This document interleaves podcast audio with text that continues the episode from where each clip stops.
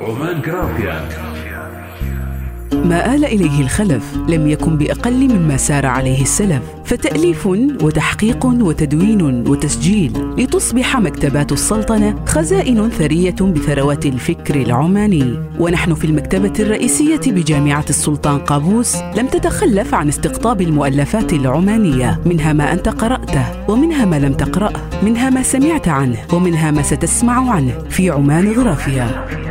عمان غرافيا برنامج يومي بالتعاون مع إذاعة هلا أف أم. نقف فيه أمام الرفوف مفتشين بين جنبات الكنوز عن مؤلفات عمانية نسردها على مسامعكم.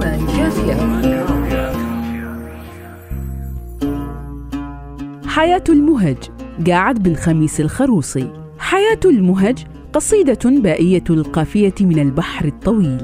يعمد ناظمها في مئة بيت من الشعر إلى تهذيب النفس وصقلها حتى تصل للمقام السامي من الرضا. وحرصا منه على إيصال المعنى الوافي لأبياته وعلى أن يتمم نصحه لمن يتجه له بالنصح. فقد شرح تلك الأبيات شرحا أدبيا وفقهيا ولغويا. فالناظم والشارح واحد وهو العالم الرباني الشيخ قاعد بن خميس الخروصي. يتألف الكتاب من ثلاثة مباحث. يبدأ بتعريف بمؤلف الكتاب مولده ونشأته ومكانته العلمية وتلاميذه ومؤلفاته ووفاته. ثم ينتقل إلى قصيدة حياة المهج وشرحها. وأخيرا خاتمة المخطوطات ونماذج منها. يكن الشيخ قاعد بأبي نبهان نسبة إلى أكبر أبنائه نبهان.